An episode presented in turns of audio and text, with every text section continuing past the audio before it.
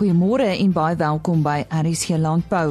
Ons praat vanoggend onder andere oor die dorperskaap, die voer van willebeeste, 'n merino boer se werksaamhede in Lesotho en ons vind ook uit presies wat is bybal ontsteking. So moenie weggaan nie. Vandag se program word aangebied met die komplemente van Afriwet. Soos jou veearts in die veld, like your vet in the field. Ons het nou al baie in uh, die program oor die kudde projek van Veeplaas gesels en ons praat uh, vanaand oor en ons praat vanoggend oor die Veeplaas skole kudde projek en met Gawie Nudee van die Brandvee Genootskap oor hulle deelname by Unicom Landbouskool naby Tweespruit in die Vrystaat. Gawie, die logiese vraag, hoekom neem julle aan die projek deel? Uh, môre nie nee, ek dink dis baie goeie publisiteit vir ons as ras. En ons wil ook graag uh vir al opkomende leerders en moontlike potensiële teelers blootstel aan Brownwie. Uh ons dink die ras het baie baie moontlikhede veral in die opkomende mark ook uh behalwe die kommersiële mark vir opkomende boere.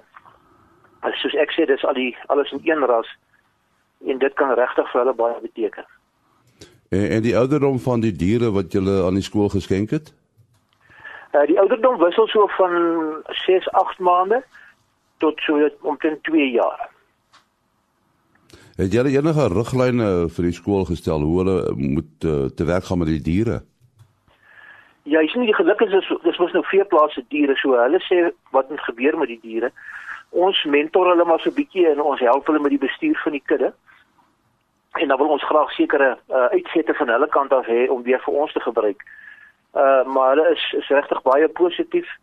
Uh die skoolhoof meneer Hatting uh is, is baie uh positief oor die ras.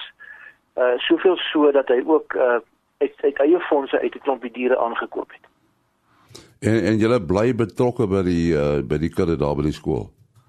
Ja, nee ons bly betrokke. Ons het 'n uh, raadslid en dan uh, nog een van die teelers wat naby is uh, gevra om om gedurig te mentor en te help om te help met seleksies en parings en voeding en bestuur en so voort net om te sien dat die die dat die manne dan op die regte pad bly en dat ons hulle kan help met die ontwikkeling uh, van hulle as as uh, boere. En en gaan julle die skole inskakel by die by die genootskap se se projekte en so voort? Ja, uh, uiteraard gaan ons hulle gaan ons hulle gebruik. Ons het reeds Vrydag 'n boeredag by die skool. Ons bietjie vir die leerders gaan wys en uh, so mini mini uh, beoordelingskursus hulle aanbied. En dan gaan ons hulle betrek by skoue en uitstallings sover as moontlik. Hulle gaan ook met 'n paar diere deelneem by die Alfa week uh, in Parys uh, later verjaar. En uh die toekoms van die projek, uh, hoe sien jy die toekoms? Uh ek is baie baie positief oor die projek. Ek dink dit kan geweldig baie beteken vir vir al al drie partye. Dit is nou die Brandie Be uh, Beesteelers Genootskap veeplaas en dan ook die skool. Uh met die nodige entoesiasme kan jy by hierdie by hierdie leerdlinge en ook by by hulle hulle onderwysers kan jy 'n groot liefde vir dan die Brandie ras maar ook vir beeste en dan vee in die algemeen kweek want jy maak hulle nou betrokke uh, en jy hou hulle uh, aan die gang daarmee. Ons sê baie dankie aan Gawie Nudie, hy's 'n raadslid van die Brandwie Teelersgenootskap.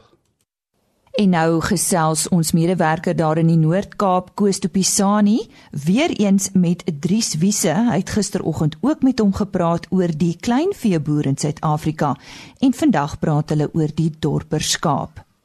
Die dorperskaap is aanvanklik geteel vir sekere eienskappe en dis eienskappe om by die Suid-Afrikaanse omstandighede aan te pas. En dit was 'n groot sukses, maar die dorperras het ook in, in verskeie lande word dit al aangetref waar dit baie aanpasbaar is.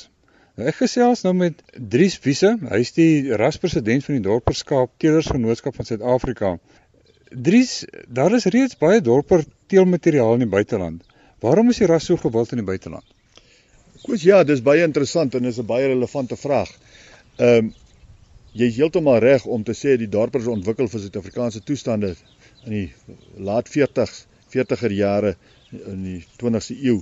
Ehm um, die departement van landbou opdrag gegee dat uh Die uh daar moet navorsing gedoen word om 'n ekstensiewe ras te kry met 'n baie goeie bouvorm. Deur verskeie kruisings is daar besluit op die Dorset Hon swart kopersie kruising en uh dit wat daar uitgekom het word in baie lande as die verskoon die Engelse woord die ultimate beskou van vleisproduksie. Die voorbeelde is legio. Dis vir Suid-Afrikaanse toestande ontwikkel en dit loop op hierdie stadium op al 6 vaste lande.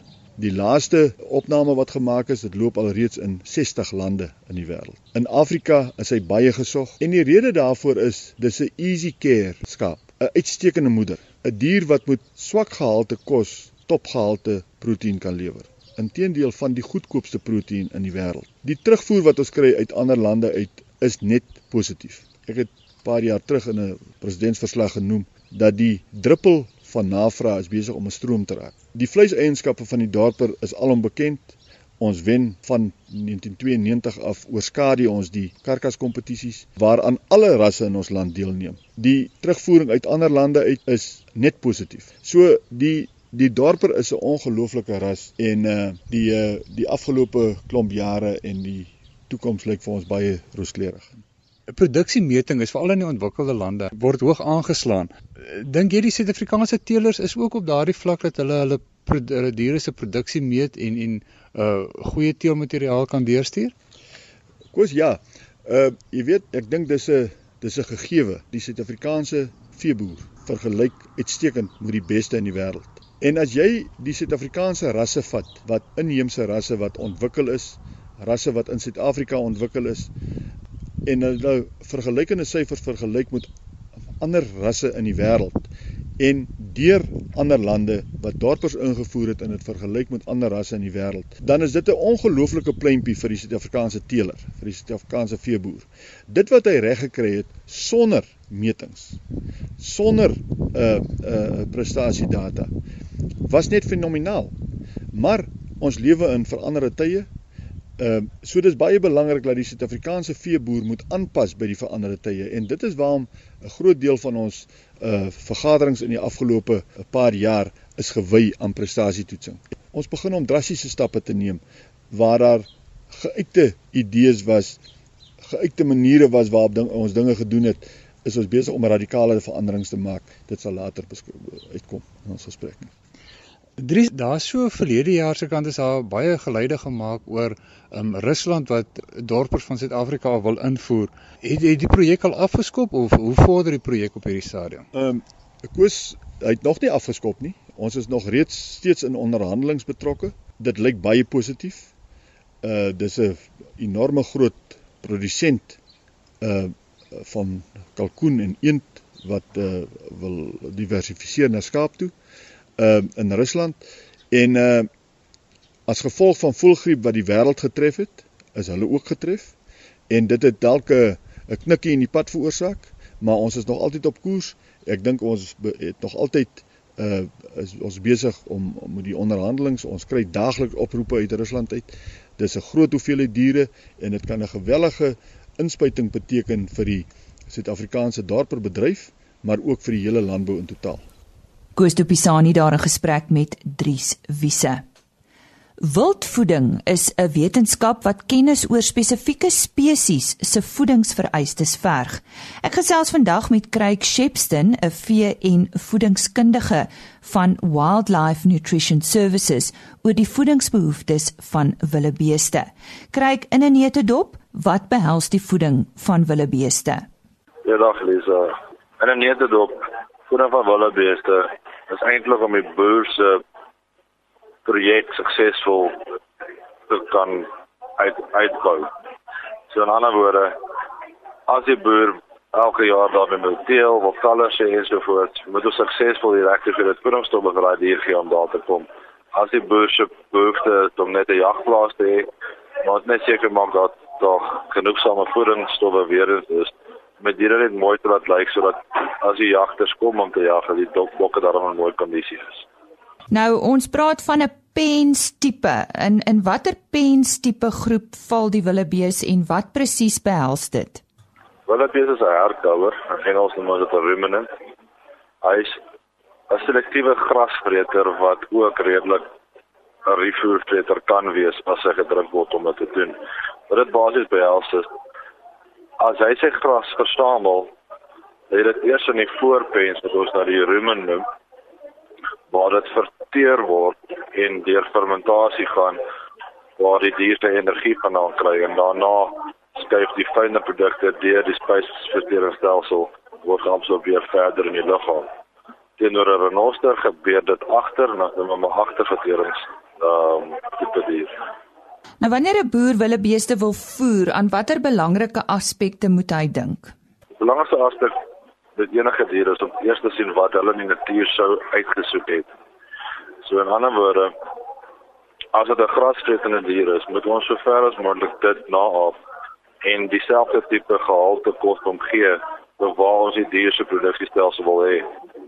So as dit diere stoog, moet ons seker maak die kos wat ons hulle aanbied, het genoeg proteïene, energie ensovoorts vir daai ekstra melkproduksie. Wat dan ook belangrik is, is om nie oor te voer nie. Baie mense dink proteïene is krities belangrik en oorvoer goeder soos lucerne en dan kry ons ander probleme later. So dis redelik belangrik om terug te gaan wat die dier spesifiek voer. Nog 'n ding as ek meer weet van die spesifieke trop, is daar diere wat soog, is daar diere wat uitgroei.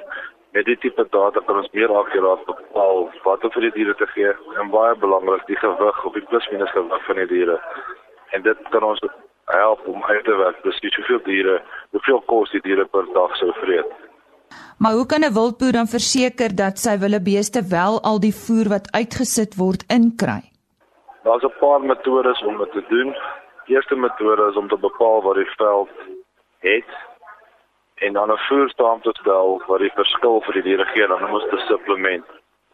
Baie met keer gee mense net voer en hierdie bokke dit nie, want die voer wat natuurlik voorkom, die gras of die die ander plantjies wat daar is, is klaar lekkerder as daai kos wat hulle gee.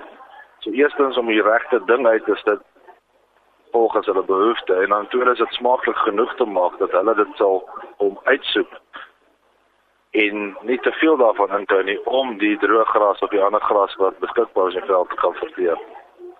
So die smaaklikheid help nogal baie. 'n Ander opsie is wat ons baie keer kry, diere te veel vreet, dan die eerste opsie wat ek kyk is, het die diere die kos nodig?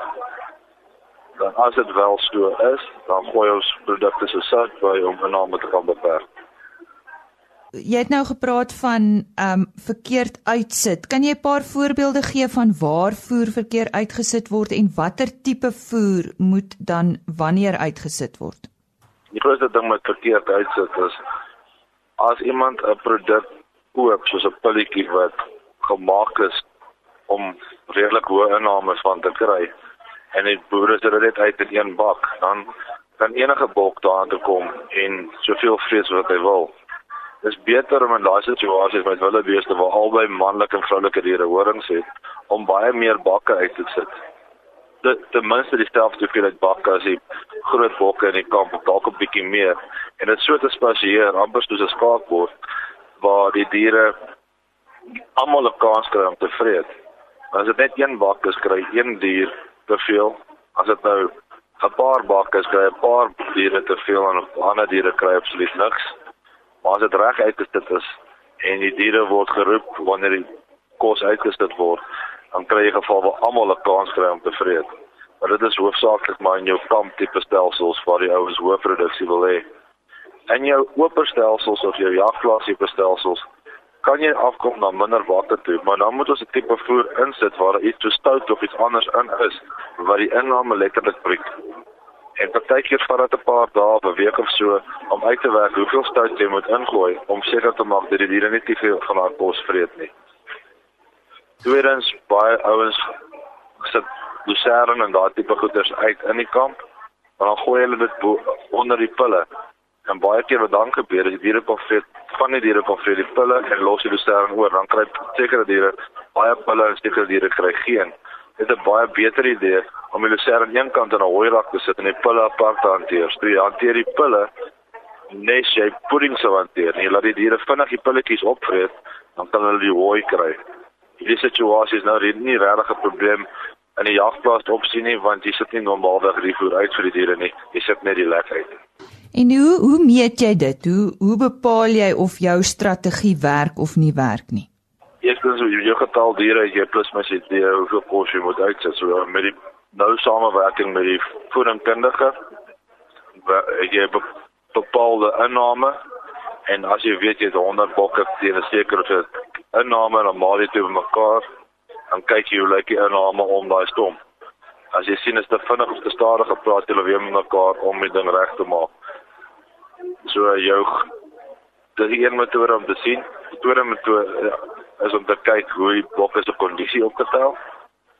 Maar belangrikste is dat kyk na 2 of 3 jaar terug te kyk en te kyk na die koeie en te kyk na die interkalfperiodes hoe korter hulle is, hoe beter die kos gewerk. Hoe langer dit is, hoe swakker die kos gewerk of hulle dalk nie kos gekry nie. Daar baie gevalle gehad waar 'n trop van 30 diere 15 tot 20 het baie goeie rekords gehad. Plus minus tussen um, 8 en 9 dalk op tot 10 maande.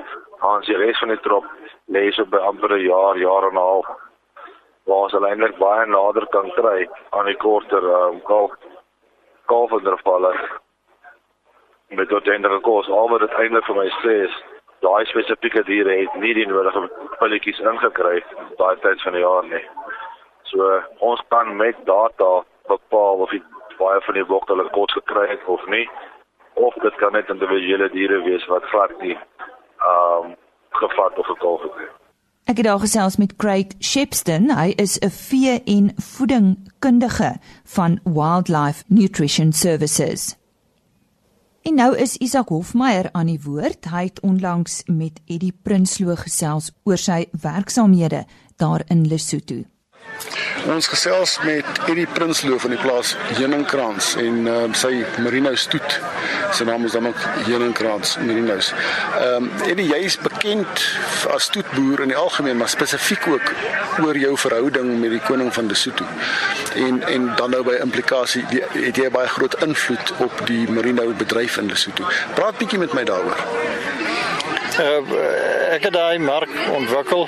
My pa was toe op die Wolraad was dit hulle die stoetplaas in Magotling begin was die Wolraad se plaas wat nou nog aan die gang is. So ons het 'n lang verbintenis met Lesotho. En die koning in is is 'n vriend van my en hy koop al sy stoetramme by ons. Ek het nou vir die tweede keer gegaan uh, met die militêre helikopter van Lesotho ek en hy en my seun ons is sy skape gaan klas in by Manchinyane daar diep in die berge en ek was aangenaam verras met die gehalte van hulle skaap. Hulle is ook groot ondersteuners van my veiling. Hulle het Februarie wat verby is 21ste het hulle van die 138 gram het hulle 61 gekoop en die gemiddeld van die ramme was uh 8700. So hulle is bereid om te spandeer. Dit gaan goed met hulle bedryf. Hulle kry baie vir hulle wol en hulle gehalte het baie ver, verbeter die laaste 40 jaar. Ek was nou op hulle skou in Masero en daar was skape daar. Ek het 'n maand voor die classic beoordeel in Bloemfontein en daar was van daai oeye wat enige ooi hulle kon kampioenskappe gewen het op die Merino Classic. Hoe, werk die bedryf in Lesotho? Is dit 'n is dit soos by ons is dit 'n oop mark storie of het die het die koning baie groot invloed? Ja, die die die koning is die is die people's person. Maar hy's apolities. En uh hy hy is alou wat grond kan besit, hy en sy familie. Die ander is kon kon koloniale gronde. Uh almal is almal sin. So uh al die kapteins van die verskillende streke in Lesotho is verwant aan die koning. So ek dink die koning speel nog 'n baie groot rol hulle uh, in in die land. Uh die, die mense kyk op na hom. Wat jou eie stoet betref en en jou eie situasie betref, jou seun is nou onlangs terug op die plaas. Hoe gaan dit? My seun gaan nou die 5de geslag wees daar op ons plaas en die die die uh die vierde geslag met die stoet. En op die stadium gaan dit goed. Hy leer baie, help my baie. Ek wil nie meer so alles doen nie. En uh, wat ek oorbly is hy stel ook belang in die in die, die stoetskape.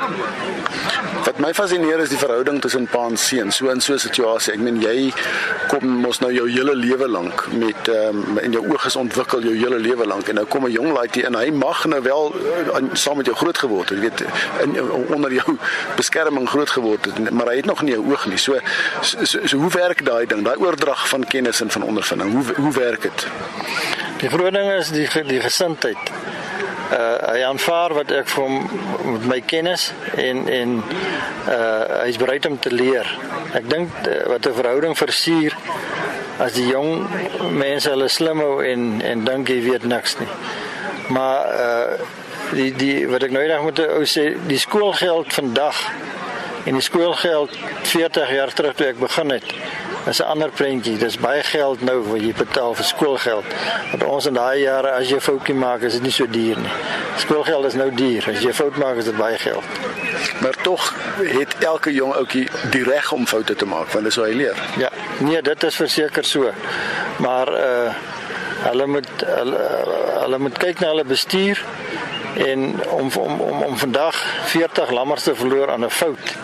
Dit is uh dis 70000 rand.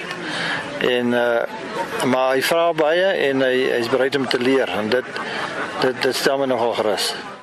En ons sê baie dankie vir Isak Hofmeyer vir daardie bydrae en hy het gesels met Eddie Prinsloo. Bybalontsteking is 'n probleem wat jou ramtrop bekruip soos 'n dief in die nag. Ek het hieroor met Dr Bertus Nel, 'n veearts van Calvinia gesels. Hy verduidelik eers wat is die doel en funksie van die Bybal. Goed, die Bybal is is deel van die testis van enige dier en die funksie daarvan is eintlik maar die die sperme word nou um gemaak in die in die groter deel van die testis en van daar um, beweeg hulle dan na die bywal toe waar hulle dan nou 'n hele tyd spandeer en in daai tyd um, ondergaan hulle dan nou verdere rypwording tot by die punt waar hulle nou volwasse is en gereed is om dan nou gebruik te word vir bevrugting en hulle word dan ook daar gestoor totdat hulle nodig is vir bevrugting. Wat is die moontlike oorsake van bybalontsteking? Ja, kyk daar's daar's verskeie oorsake. Um jy kry aansteeklike sowel as nie aansteeklike oorsake. Nou kom ons kyk gou vinnig na nie aansteeklike oorsake. Dit is nou ek soos soos 'n besering hou wat hy kry teen die Bybel wat definitief ook sal ontsteking veroorsaak. Maar dit is dit is nie baie algemeen nie. Ehm um, jou aansteeklike oorsake van Bybel ontsteking is baie meer um, algemeen. En daar kry jy nou twee tipes. Ehm um, jy kry jou opportunistiese infeksies. Ehm um, weer eens dit is ook nie baie algemeen nie. Jy sien dit eintlik veral meer meer in jong ramme, veral jong ramme wat nou baie op kraal staan en gevoer word en so aan. Maar dit behels 'n uh, klein gedeelte van Bybelontsteking. Um by verre die grootste oorsaak van bybalontsteking by ramme is 'n bakterie organisme met die naam Brucella ovis. Um dit is loshande verantwoordelik vir die meeste gevalle van bybalontsteking wat ons elke dag sien.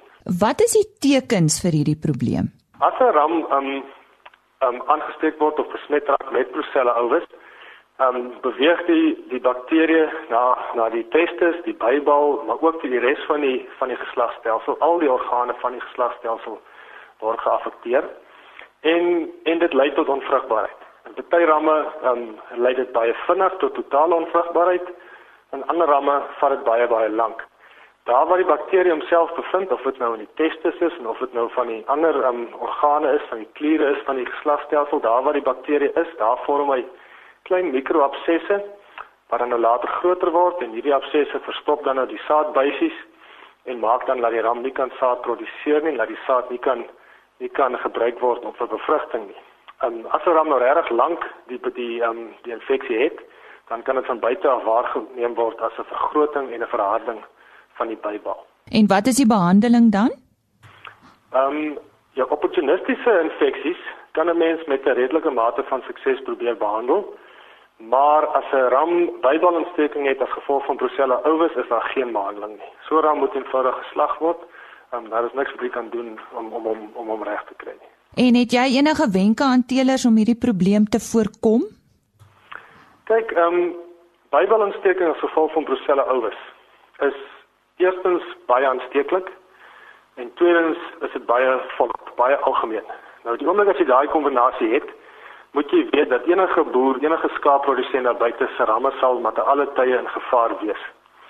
So, ehm um, produsente en ramteelers moet gereeld hulle ramme laat toets. Minimum eenmal 'n jaar moet jy maar seker maak dat al jou ramme getoets word om seker te maak die organisme het nie intussen in jou kudde beland nie.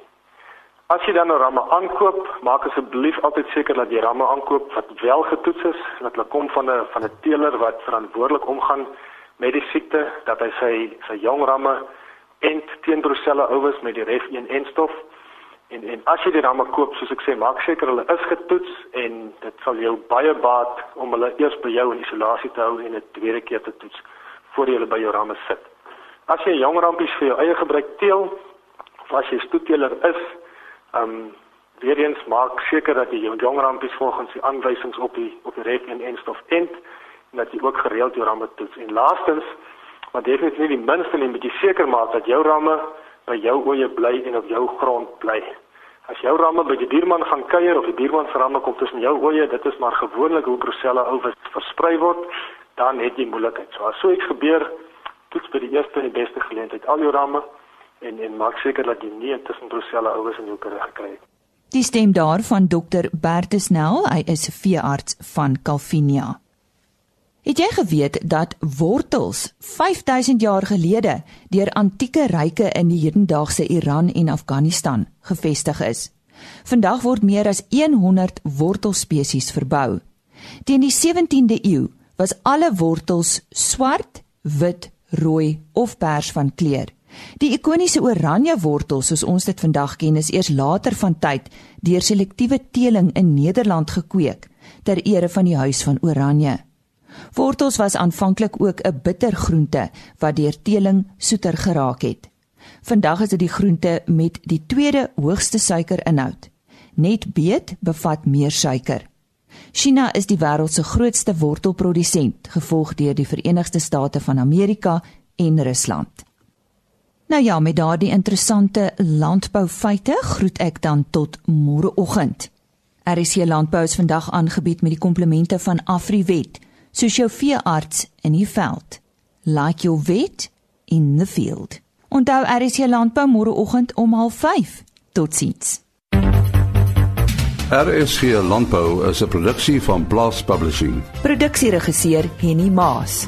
Aanbieding Lisa Roberts en 'n notas koördineerder Jolande Rooi.